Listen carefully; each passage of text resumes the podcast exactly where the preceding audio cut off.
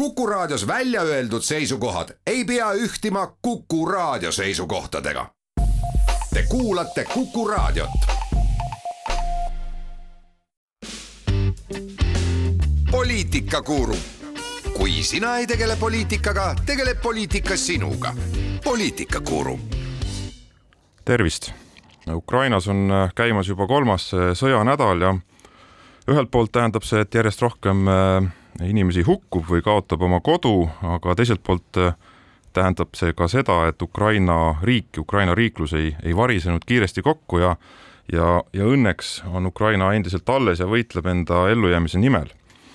ja tänases saates uurivad ja analüüsivad neid keerulisi arenguid Lavly Perling. tere! Andreas Kaju. tere! ja Tõnis Leht ja arutame loomulikult põhiliselt Ukraina Äh, sõjateemadel, aga loodetavasti äh, pisut, pisut äh, jääb mahti ka Eesti siseteemade jaoks. aga alustame võib-olla sellise teemapüstitusega, et et kuhu suunas siis Venemaa agressioon Ukrainas liikumas on, et esimesed kaks sõjanädalat ilmselgelt ei ole Putinile rahuldust pakkunud, Venemaa eesmärgid Ukrainas olid äh, nüüd võib juba üsna julgelt väita, et hoopis äh, teised või kõrgemal tasemel, kui tänaseks on saavutatud, samas pole ühtegi märki, et Venemaa kavatseks ka sõjalistest pingutustest äh, nüüd kiiresti loobuda. Äh, üha enam näeme sellist püüet piirata suuri suurlinnu sisse ja, ja neid valimatult hävitada, pommitada tsiviilelanikkonda ja, ja siis pommitamise ja, ja näljutamise abil äh, suruda Ukraina ikkagi põlvili, et äh, ehk siis selline Aleppo stsenaariumite kordumine Ukrainas, aga aga kuidas teile tundub, et milline, milline nüüd seda esimest kahte nädalat vaadates ja ja hetkel valitsevat olukorda hinnates, milline võiks olla Venemaa nüüd lähinädalate plaan või, või siis nende võimalused, mida, mida nad üritavad saavutada? No alustame sellest, et me ei tea, sest et me ei tea, mis on muutunud seisus nende poliitilised eesmärgid, et me aimame seda, mis võisid olla nende poliitilised eesmärgid enne kahekümne neljanda veebruaril alanud sõjategevuse laiendamist. Äh, kõik, kõik me peame la-, laias laastus neid poliitilisi eesmärke sellisteks, et, et prooviti väga kiiresti liikuda suurlinnadest mööda, minnes Kiievisse nii-öelda blitzkrieg ja kiiresti võtta poliitilised juhtkonnad pea maha kas siis äh, kaudses või otseses tähenduses, äh, asendada see äh, Kremlile truuma võimulojaalsema seltskonnaga, see on ebaõnnestunud. selge on see, et nüüd on pikka aega vältav sõda ees, juhul kui muud lahendust ei leita, mille kestvust tuleks minimaalselt mõõta kuudes, maksimaalselt aastates juhul, kui ei leita muud lahendust, aga see, see lahendus peaks sõltuma sellest, et, et mis on, mis on äh, nii-öelda poliitilised eesmärgid Vene Föderatsioonil ja muidugi mõjutab pilti ka see, et, et äh, kas ja kui palju saab Ukraina jätkuvalt ja edaspidi äh, abi. seda, et, et Vene Föderatsioonil on muutunud poliitilised eesmärgid, noh, see on ka kindlasti, kindlasti selge, need ambitsioonid vahetada Ukrainas juhtkond välja ei ole tänaseks enam reaalne, minimaalselt äh, kindlasti jätkaks äh, äh, Ukraina selles osas, mis on okupatsioonivägedest vaba, äh, ka edaspidi iseseisva riigina, mida juhivad need inimesed, kellele Ukraina rahvas ise võimu on, on usaldanud, aga mida nendes tingimustes, kus ees on kuid või aastaid vältav väga raske erinevate intensiivsuslainetega konflikt, et mis võiks olla nagu realistlikud poliitilised eesmärgid ja kuidas neid saavutada, eks see ongi äh, spekulatsioonideks küll väga küps äh, muld nii-öelda või, või, või, või maapind, aga, aga mis päriselt on võimalik, on ebaselge, me teame, et läbirääkimisi peetakse mitmes voorus, peavad ametlikud läbirääkimistiimid, äh, peavad äh, Ukraina ja Venemaa võtmeministrid, välisministrid omavahel, peetakse läbi vahendajad, Iisraeli vahendusel on, on, on tehtud katseid läbi rääkida ja igasuguseid spekulatsioone võimalikest kokkulepetest, millest ükski kindlasti ka Ukrainale äh, hõlbus ei ole, äh, neid spekulatsioone on, on jah palju. eks need nädalad äh, näitavad jah, seda, et Venemaa oma eesmärke ei saavutanud. samas see, mis täna õnneks on alles, mida kaugelt on näha ja, ja, ja kuulda ja mida kõik, kellel meil on mingidki isiklikud kontaktid, me ju ka kuuleme, et et lisaks sellistele suurtele uudistele, et nende selline võitlustahe on alles. ja nad tõesti on olnud ülimalt vaprad ja hetkel ju mingeid allaandmise märke ei paista. mis saab edasi? Et me keegi ei ole siin ju otseselt sõjaline ekspert, aga, aga eks, eks me kõik kuuleme, et kõigi pilgud on ju praegu Kiievi peal, mis toimub selle Kiievi kolonni ümber. kas see, et võitu ei tulnud, ajab selle võitluse veel äh, hävitavamaks, et äh, veel rohkem tsiviilobjekte saab pihta, inimesi surma, et see kõik muutub veel agressiivsemaks, seda ju ennustatakse et see on kindlasti üks äh, kahjuks tulevikuvõimalus. mis puudutab kogu seda välispoliitilist teemat Venemaa puhul, siis see on äh, väga huvitav, jah, nad ei saavutanud seda, mida nad tahtsid, aga nüüd on hoopis küsimus, et äh, milline on nende välispoliitiline eesmärk et eh, kui eesmärk oli nagu hävitada selline lääne demokraatia ja, ja arusaam sellest, et et Ukrainal on õigus kuuluda läände, Ukrainal on õigus eh, ise otsustada, et ühelt poolt eh, see ei realiseerunud kiiresti, kas nad nüüd nagu sellest pikas perspektiivis järgi annavad, see on nagu huvitav küsimus. ja no eks see on miski, mis hakkab nüüd lähinädalatel selgemalt paistma, et hetketaktika on ju tõesti suundunud sinna suunas, et äh, jõhkralt äh, püütakse suuremaid linnu sisse piirata ja neid tõesti valimatult hävitada ja sisuliselt hoida sealset tsiviilelanikkonda ikkagi pantvangis, et Mariupol hetkel kõige suurema surve all, et et läbi selliste ikkagi noh, kirjeldamatute kannatuste ja väga paljude tsiviilisikute hukkumise panna, panna surve Ukraina juhtkonnale, et et, et kaua te siis nii-öelda sellist, sellisel moel meile vastu võitlete, et, et vähemalt taktikaliselt hakata sundima nii-öelda mõtlema ka teatud järeleandmistele, võib-olla läbirääkimistel, et et, et see võiks olla selline noh, see on taktika, mida me juba praegu näeme, seda, et, et Venemaa hetkel selgelt ja tugevalt valmistuks ikkagi suurema osa või terve Ukraina nii-öelda okupeerimiseks ja hävitamiseks, noh selleks ju praegu Ukrainas ja Ukraina piiridel olevat sõjajõudu piisavalt ei ole, et et seda on noh hinnatud, et, et seal on ikka vähemalt neli-viis korda rohkem peaks olema elavjõudu ja, ja noh, nüüdseks ka juba seda sõjalist tehnikat, et, et kogu Ukraina vastupanu murda, et me räägime siin viiesajast, kuuesajast tuhandest sõdurist võib-olla, keda oleks tarvis, mitte seal sada viiskümmend, sada seitsekümmend, sada üheksakümmend tuhat, mis praegu on, et, et sellist, selle jaoks omakorda oleks tarvis ikkagi juba ulatuslikumat mobilisatsiooni ja kõikide nii-öelda sõjaliste ressursside kokkukraapimist üle Venemaa, et et seda nagu suurel skaalal ju veel näha ei ole. Jah, et meil küll alati oht on nüüd sattuda juba täiesti võõraste valdkondade nagu äh, valdkondade detailide üle spekuleerima, et äh, aga kui, kui lähtuda jah, sellest, mida äh, sõjandusvaldkonna eksperdid on, on kirjeldanud ja kui, ka ajalugu, ajalugu vaadata, siis siis siis kindlasti ei, ei ole ja see on tänaseks juba selge, tänaseks Ukraina piiride ümber ja ka Valgevenesse paigutatud sõjaline ressurss pii-, piisav, mitte ainult, et okupeerida ja hoida oma kontrolli all Ukrainat, vaid isegi saavutada neid eesmärke, mis olid seotud piiratud, kui kasutada venelaste enda leksikat, piiratud sõjaliste eesmärkide saavutamiseks. et pigem me, millest me räägimegi, ongi kuidas jõuda läbirääkimisteni venelaste vaatenurgast, Kremli vaatenurgast ja mis tingimusi on võimalik vastaspoolele seada, äh, noh kindlasti äh, ja siin ongi väga palju viidatud äh, niinimetatud Aleppo näitele või Süüria näidetele, milline on venelaste taktika seal olnud või ka, või ka varasemalt muidugi Tšetšeenia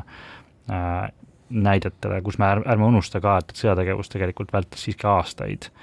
äh,. aga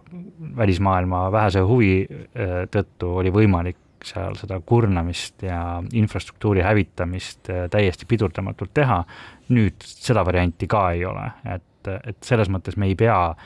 tõenäoliselt neid kõige hullemaid stsenaariumeid ette, ette kujutama, et võib siiski arvata, et lääne pikaajaline jätkusuutlik sõjaline abi on praegustel tingimustel garanteeritud, et sest et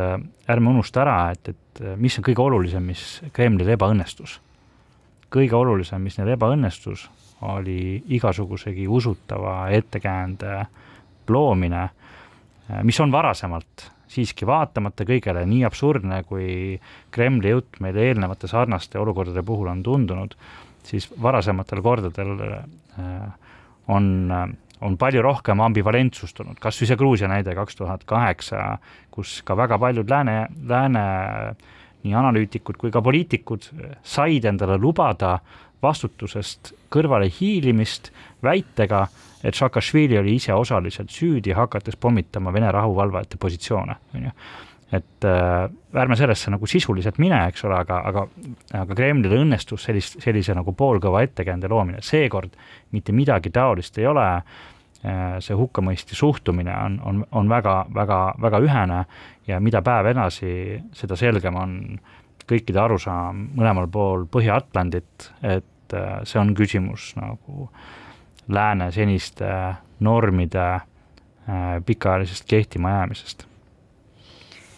kuulates äh, lugu sellest kurnatuse tasemest nüüd Ukrainal, siis siin tuleb kindlasti ka mõelda seda muidugi, et Ukraina on nii suur, et tõenäoliselt need tagajärjed, need sõja lõpud, need stsenaariumid äh, on erinevatel piirkondadel erinevad. et ka need territooriumid, mis on Venemaa poolt ära võetud, et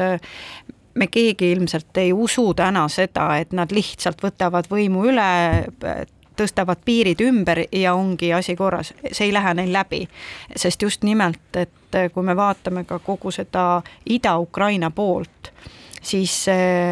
vastuseis Putini režiimile, agressioonile on nii ühene ja selge, et seal ei ole võimalik lihtsalt võimu üle võtta. ja seda me näeme ju ka uudistest, et need linnad, kus ka siin-seal on üritatud lippe heisata ja näidata seda võimu, siis reaalset võimu on väga vähestes kohtades suudetud võtta ja, ja kindlasti ei suudeta seda hoida jah, et kui veel komistada ajalukku, et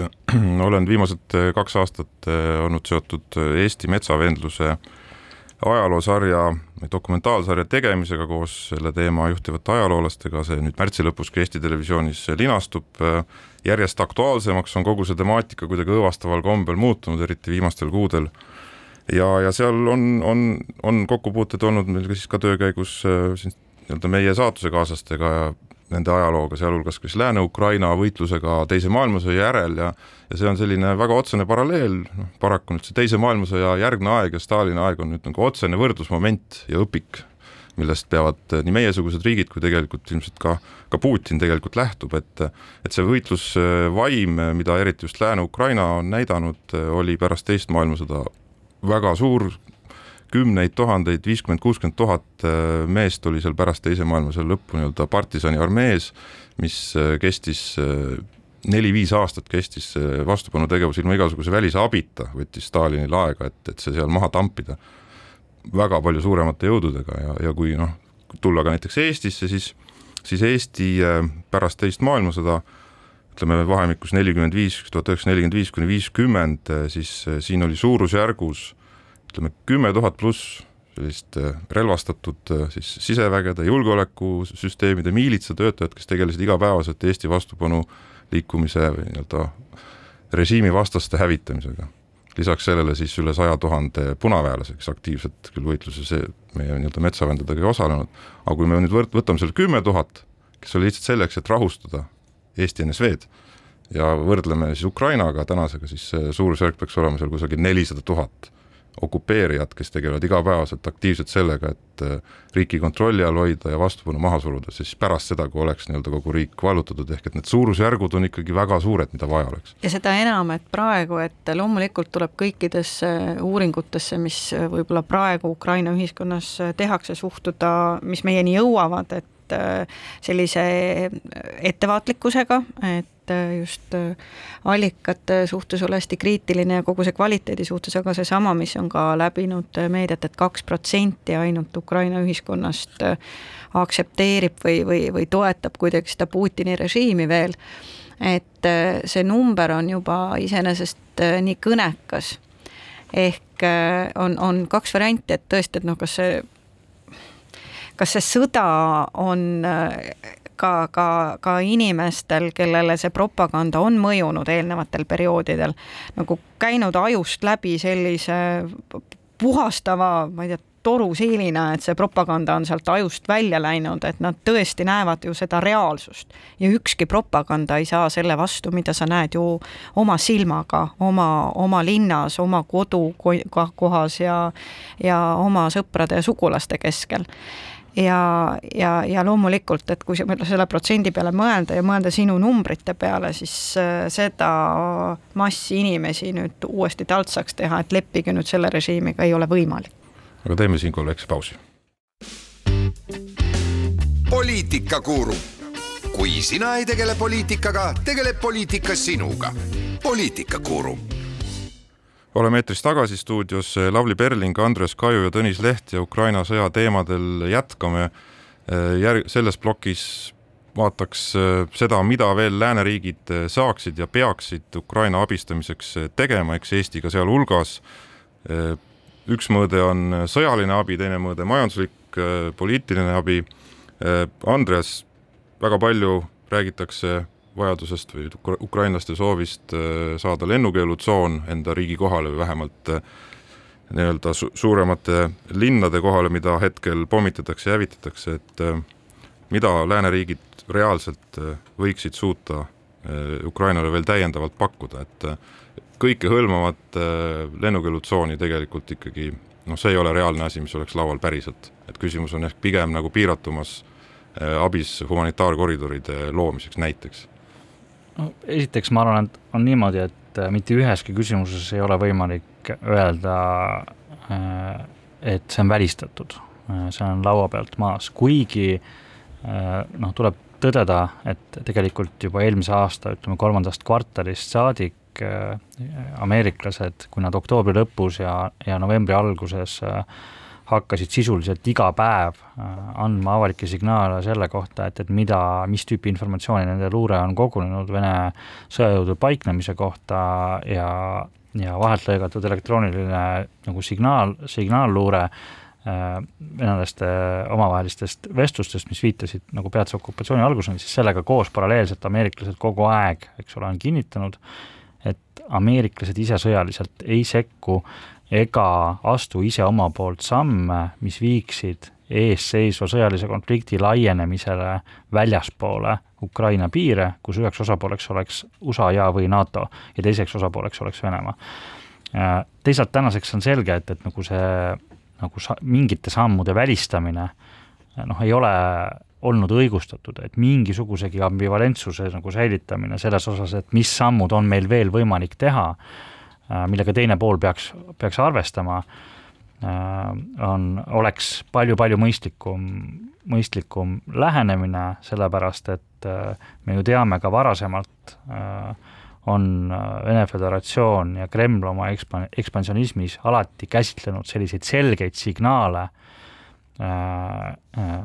loana tegutseda küll võib-olla piiratud ulatuses, aga siiski loana tegutseda oma eeldatavas mõjusfääris, olgu see siis Gruusia või siis Ukraina, et äh, ja see, et meie oleme sealt väljas, on nagu ajalooline õnn äh,, äh, aga, aga ei enamat. mida reaalselt veel teha saaks, mida kindlasti tegema hakatakse juba sellel nädalalgi, kui vaatame, mida britid on, on öelnud äh,, äh, Briti kaitseminister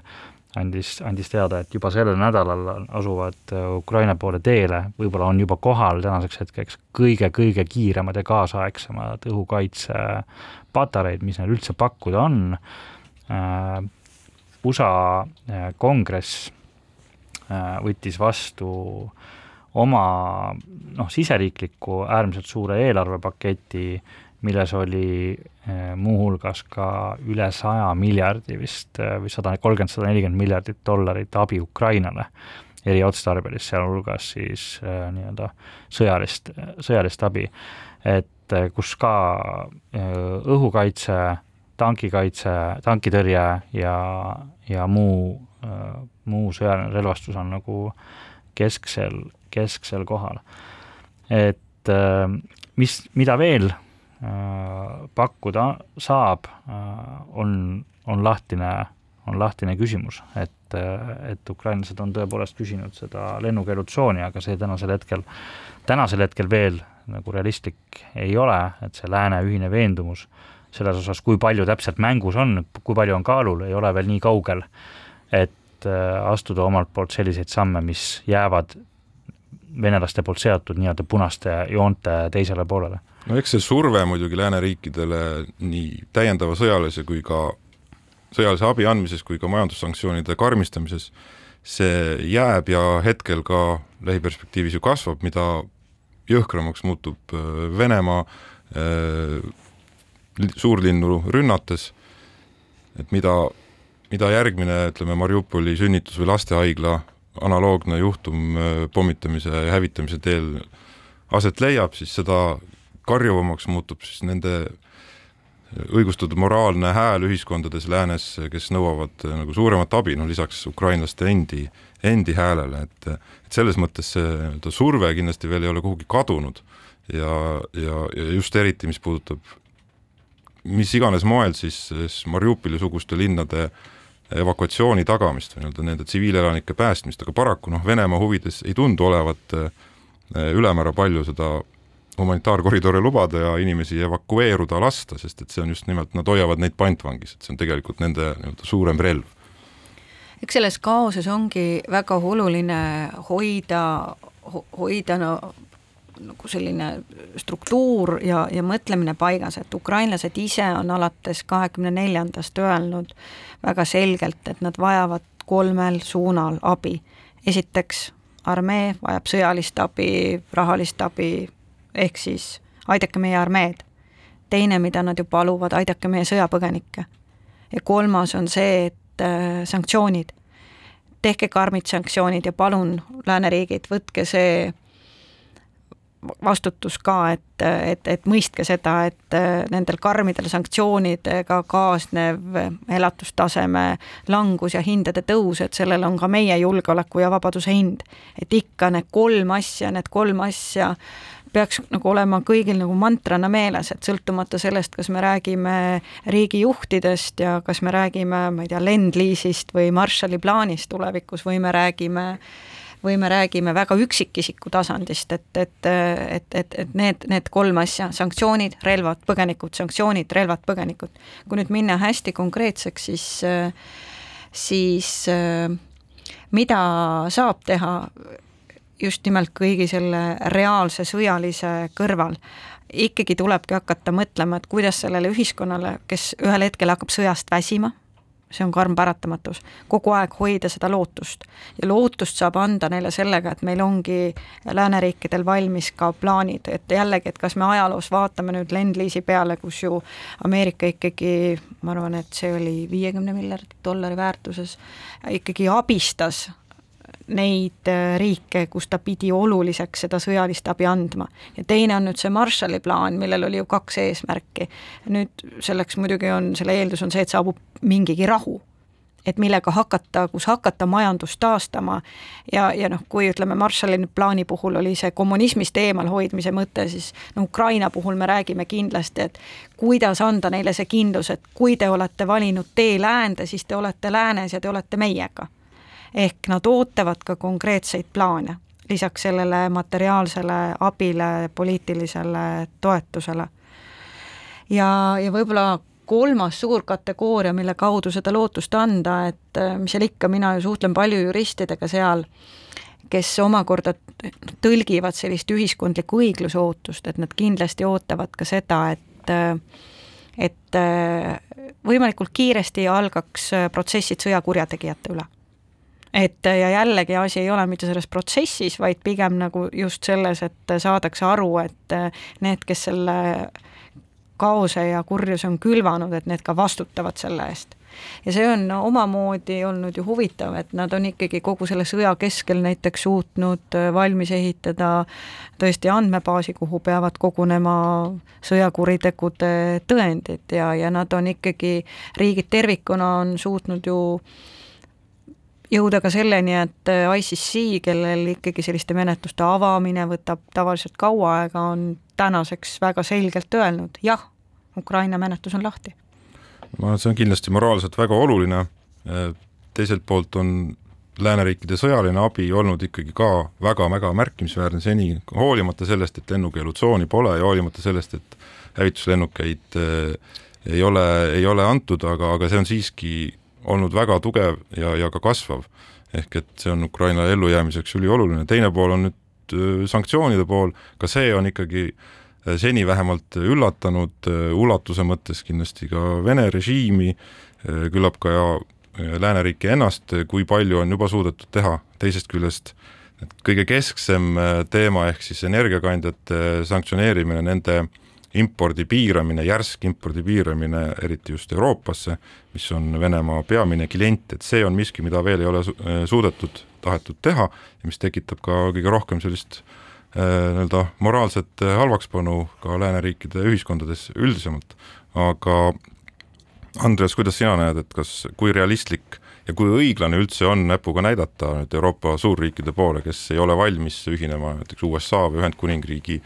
järskude sanktsioonidega Venemaa nafta ja gaasi vastu? no õiglane on selles mõttes nende riikide eneste rahvastel vaadata oma valitsejate otsa, et miks te ei ole teinud midagi senimaani meie energeetilise sõltumatuse kasvatamiseks ja sõltuvuse vähendamiseks Vene Föderatsioonist, kes, kelle puhul on ju korduvaid näiteid võimalik esile tuua, millal energiakandjaid on äh, relvana kasutatud mitte ainult oma nagu otseste poliitiliste eesmärkide saavutamiseks, vaid ka kaudselt selleks, et korrumpeerida lääneriikide poliitilisi ettevõtlusvaldkonna, kodanikuühiskonna liidreid, on ju, hõlmates neid nende ettevõtete, energeetikaettevõtete mõju piirkondadesse, ettevõtete järelevalveorganitesse või, või MTÜ-desse ja, ja nii edasi.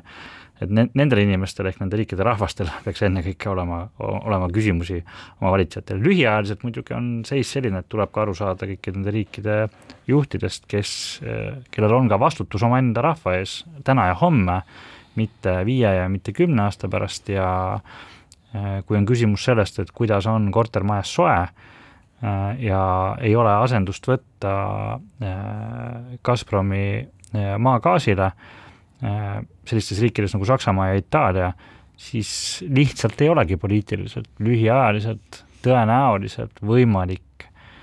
Äh, oma rahvale, nende riikide valitsejatel peale suruda sellise hinna maksmist, et äh, sest et ei ole alternatiivi lihtsalt. ja, ja nemad seetõttu sellega nõus ei ole, seetõttu ka seni on sanktsioonide alt, ka SWIFTi sanktsioonid, mis on siis keskendunud äh, Vene Föderatsiooni finantssektori lahtisidumisele rahvusvaheliste maksete süsteemist, mispärast on ka seal see energeetikaerand jäänud, et on võimalik energiakandjate eest maksta endiselt läbi selle rahvusvaheliste SWIFTi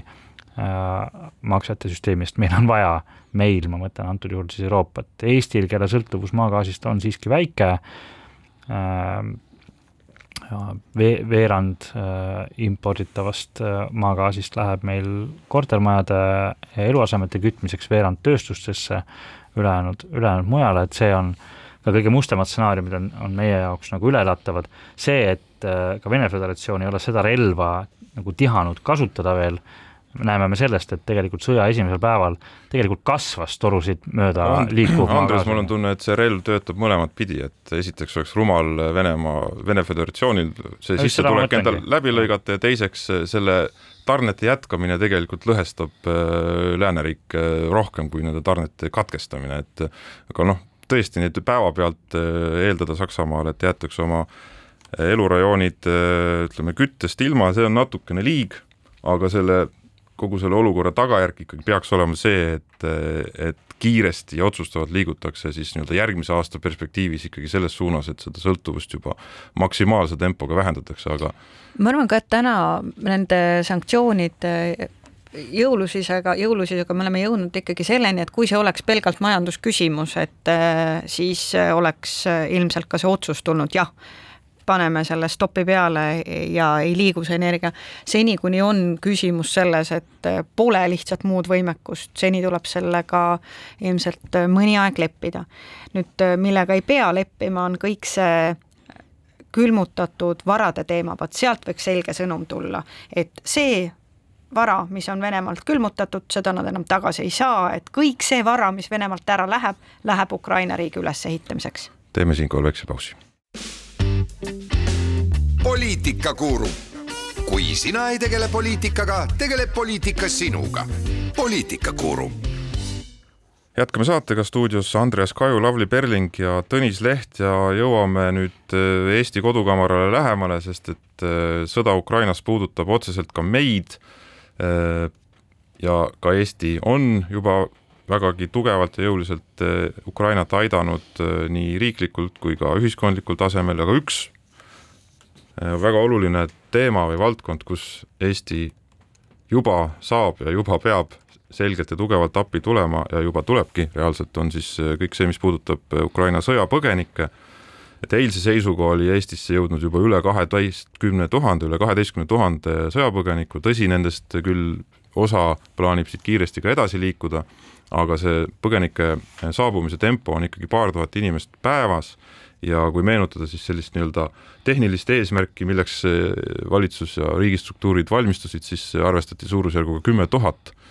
põgenikku, et see on esimese kahe nädalaga on juba see ületatud, et tegelikult on, on see teema, mis äh, saab olema äärmiselt suur ja oluline nii Eesti ühiskonna kui ka tegelikult poliitika ja ka majanduse jaoks Eestis, et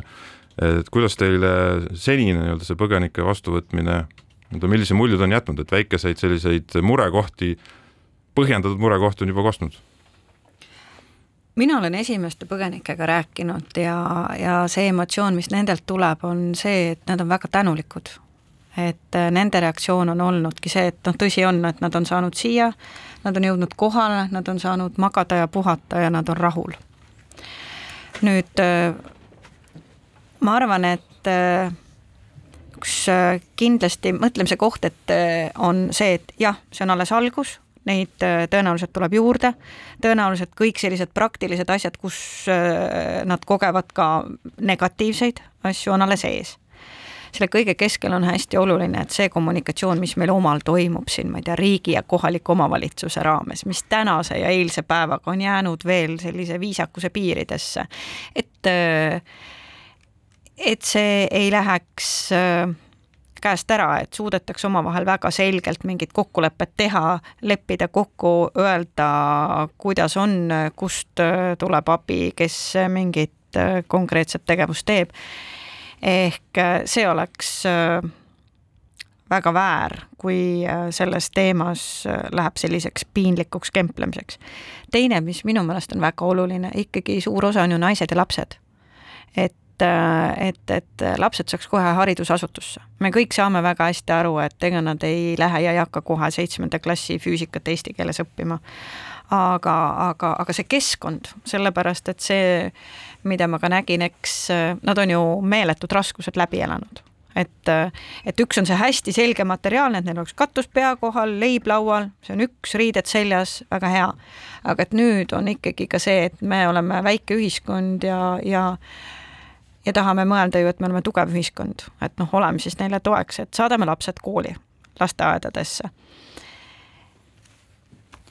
Jah, kõige esimesed probleemid, mida me näeme, on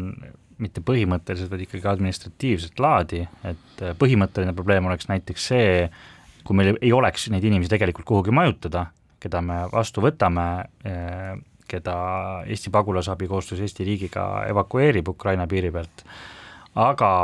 noh, me näeme tegelikult, et äh, nii koostöös majutusasutustega kui ka äh, eraisikutega, kodumajapidamistega, tegelikult need majutuskohad on olemas, probleemid on tekkinud sellest, et äh, neid inimesi ei suudeta efektiivselt jaotada, ehk see transport nendest sõlmedest, kus vastuvõtt toimub, nendesse kohtadesse, kus majutuskohad on olemas, on olnud seni natuke, natukene logisenud ja sellest on tekkinud võib-olla sellist nagu, selliseid nagu hõõrdumisi. reaalselt võttes on see tegelikult tõesti ju alles niivõrd algus, et üks oluline asi on rahu säilitada sel teemal Eestis ühiskondlikult ja poliitiliselt, et erinevad poliitilised jõud võib eeldada, kellele see rohkem muret teeb, et palju Ukraina inimesi on saabumas ja tõenäoliselt mõneks ajaks ka siia Eestisse jäämas, aga et need poliitilised jõud ei, ei kiirustaks, ei hakkaks seda teemat enda kasuks ära kasutama ja, ja nii-öelda pingeid üles kütma, aga väga tõenäoline on, et sellest kaheteistkümnest tuhandest, et seda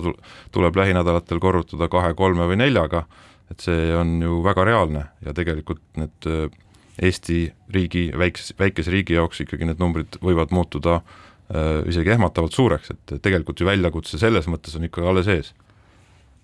jah, kuigi see ei ole päris äh, kontrollimatu äh, selles mõttes, et mitte, et ma tahaks kuidagi küüniliselt nagu mingit vastaspoolt äh, siin esitada äh,, et me ei peaks neid pagulasi rohkem võtma, aga see on siiski osaliselt meie vabatahtlik tegevus, et kui palju Eesti riik koostöös Eesti pagulasabiga ise teadlikult neid inimesi, perekondi Ukraina piirilt Eestisse ära evakueerib, et nad ei tule siia ju jalgsi ega ei kulge kuidagi Eestisse, vaid me ise toome teadlikult, et kooskõlas sellega, mis me arvame, et on on meie, meie suutlikkus. Loomulikult, kui kui sõjapõgenike suur vool jätkub, lisale, lisaks sellele kahele miljonile umbes, mis täna on juba üle piiride liikunud. ilmselgelt see jätkub ja see on kordades rohkem, kui oli siin äh, rändekriisi ajal kaks tuhat viisteist, kaks tuhat kuusteist, see lõpptulemus on kordades suurem äh, no on juba, on juba täna, täna juba suurem. kümme korda suurem või ma ei, ma ei tea. ma mõtlen, ma mõtlen üle Euroopa selles mõttes, kui toona me rääkisime siin miljonist, pooleteisest miljonist inimesest. aastate jooksul, aga täna me räägime kahe nädala jooksul jah äh,, aga noh, endiselt ma selles mõttes äh, pigem mina muretsen nii-öelda administratiivse või haldussuutlikkuse pärast äh,, mille osas ma ütleksin, et see pagulaste saabumise tempo on siiski selline, et see peaks meil olema nagu jõukohane iga päev õppides äh, vigadest äh,. ma arvan, et ressursi taha kui sellise taha asi ei jää, sest et äh, see on selline ükskord äh, elus juhtuv asi, mille ma arvan, et, et Euroopa Liidu maksumaksjad maksavad solidaarselt äh, kinni moel või teisel, et, et need ei ole kulud, mida, mida, mida jäetakse ainult nende riikide kanda, kes neid äh, pagulasi vastu võtab. Ja siin Eesti ei ole üldse see esimene kannataja, eks ole, et, et see on Poola, äh, tegelikult Ungari, Kesk-Euroopa riigid, isegi ka Moldova, eks ole, kes võtavad neid, võtavad neid pagulasi väga-väga-väga palju suuremates äh, kogustes vastu. ja eks koordineeritus ongi see märksõna, et äh, kui see kõik toimub teadlikult ja koordineeritud, siis me suudame nad ka niimoodi vastu võtta, et pakkuda siin seda inimväärset vastuvõttu. et nii äh, nii lihtne see ongi, aga, aga see on jah, see on teema, millel äh, heas mõttes peab kogu aeg nagu hoidma nagu kätt pulsil, et see ei läheks selliseks kaootiliseks ära, et me, kui me, kui, kui läheb see kontroll ära ja minu meelest küünilisusega ei olegi ja ei saagi seal midagi pistmist olla, kui me räägime sellest, et me peame seda kõike tegema teadlikult. küüniline oleks see, kui me kontrollimatult lihtsalt kaootiliselt võtame ja me ei suuda siin nagu pakkuda neile inimväärset vastuvõttu absoluutselt, aga teeme siinkohal taas väikse pausi. poliitikakuru, kui sina ei tegele poliitikaga, tegeleb poliitika sinuga. poliitikakuru oleme eetris tagasi stuudios Andreas Kaju, Lavly Perling ja Tõnis Leht ja saate päris lõpus pisut räägime ka sisepoliitilistest arengutest, no ühelt poolt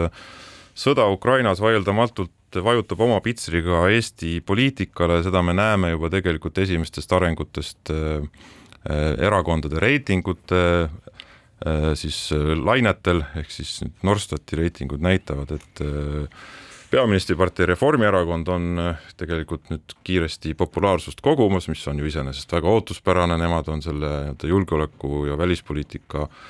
väljakutse peamised kandjad ja inimeste silmis, ma usun, on ka Kaja Kallas olnud ka oma välisesinemistes ja kõiges on olnud nii-öelda kindel kätepaar, ehk et et see toetus, et ühiskond koondub äh, sellise põhilise erakonna taha, kes, kes äh, julgeolekuga hetkel tegelema peab, see on loomulik, teisest poolt on ka Keskerakonna toetuse langus, suhteliselt loomulik, sest et nendele, nende jaoks on kogu see Ukraina sõja teema ikkagi oma venekeelse valijaskonna tõttu keerulisem, kuna seal on ka arvamused lahknevad ja ka vahetult enne siis sõja puhkemist eh, ikkagi kümnekonna Keskerakonna liikme mitteliitumine siis Ukraina potentsiaalse agressiooni hukkamõistmisega Riigikogus, et see, see kindlasti jättis oma jälje eestikeelsele valija suhtumisele Keskerakonda, ehk et seal on probleemid ja, ja keeruline positsioon pikemas jooksus ka Keskerakonna jaoks. aga kui me nüüd vaatame seda, mis on veel Eesti sisepoliitikas toimumas, siis ega rahu ja vaikus siin tegelikult valitsemas ainult ei ole, et et Isamaas on toimunud äh, küllaltki pöördelised sündmused siin sel, sel nädalal, et äh, hoolimata sõjast ei ole asjad paigal, paigal seisnud. Äh, teisipäeval siis juhtus selline lugu, et et Lavly, sina tegelikult meie saates oled osaline juba üle aasta ja toona, kui sa alustasid meil osalemist, olid sa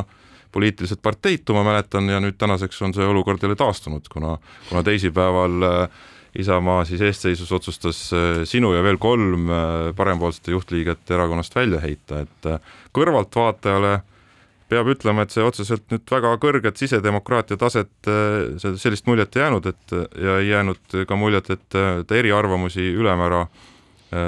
palju erakonnas Isamaas talutakse. teisest küljest kuidagi nagu üllatav see areng ka sugugi ei tundunud. ega ma nüüd pärast teisipäeva liiga palju Isamaast enam rääkida ei taha. ja minu meelest Hendrik Holole eile ütles selle, selle, selle mõtte välja, et, et Isamaad ei ole enam sellisel kujul, ei eksisteeri pärast teisipäeva, et just nimelt seda vaba ja läänelikel väärtustel põhinevat Isamaad, mis on võib-olla väga paljude inimeste mäludes olnud. aga võttes hästi praktiliselt Äh, siis äh, mis võib-olla on mõtlemist väärt, et noh, nagu sa alustasid hea naljaga, et aasta tagasi ja nüüd, et äh, jah, et mina käisin kiiresti ära ja nüüd siis on nii,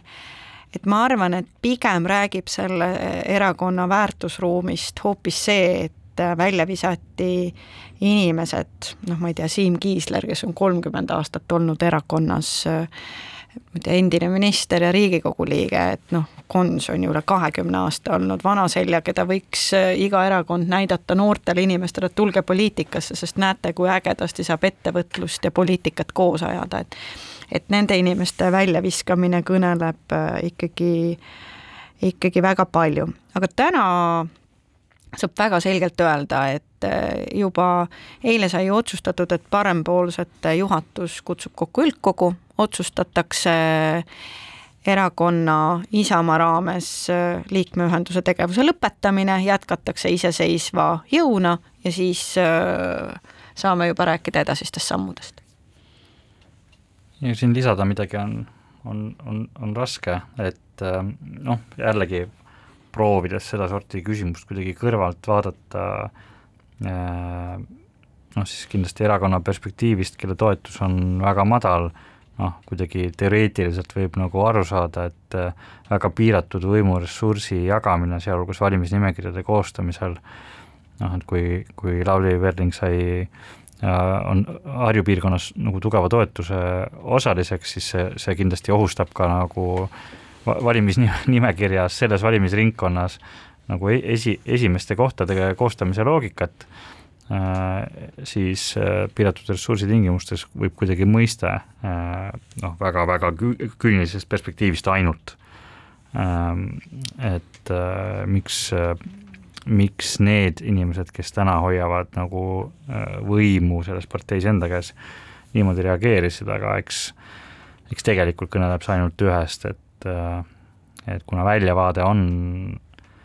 kehvapoolne, äh, siis äh, nii-öelda konkurents lihtsalt ei ole, ei olnud nende jaoks üleelatav. no ja eks ta ikkagi peegeldab ka võib-olla Isamaa erakonna laiema liikmeskonna noh, võib-olla meelsust siiski mingis ulatuses ka või vähemalt eelmise suve, eelmise suve nii-öelda üldkogu äh, noh, oli siiski parempoolsete jaoks äh, nii-öelda loodetud edu ta ju siiski ei saavutanud, et äh, tõsi, seal võib, oli ka nii-öelda Isamaa erakonna administratiivressurss äh, ka parempoolsete vastu, aga aga noh, erakonna liikmete hulgas oma meelsust see peegeldab ja, ja, ja aga nüüd edasi vaadates siis noh, ütleme, mida iganes siis parempoolsed otsustavad, et kui, kui mindaks välja eraldi erakonnana nimekirjana Riigikogu valimistel, siis noh, kõige rohkem sellest muidugi peaks endiselt muretse-, muret tundma Isamaa Isamaa siis erakond, sest et sealt nii-öelda künnise ülemis, üle pääsemise risk nii-öelda sinna allajäämise risk tegelikult kasvab ja ma küll äh, tahaks hirmsasti vastu vaielda selle liikmeskonna osas, aga ma ju lubasin Isamaast rohkem mitte rääkida, et äh, aga, aga olgem ausad, et äh, aasta küll, aga selle aasta jooksul ma ikkagi nägin Isamaas väga palju ka selliseid ägedaid, lahedaid inimesi, kes just nimelt näevad seda Isamaad suurena ja see annab ka usku, et kes teab, äkki on sellisel tugeval parempoolsel isamaalisel erakonnal veel siin ruumi. Aga eks seda kõike näitab meile lähitulevik, aga seniks soovime edukat ellujäämist Ukraina riigile ja rahvale ja, ja oleme taas eetris nädala pärast. poliitikakuru, kui sina ei tegele poliitikaga, tegeleb poliitika sinuga. poliitikakuru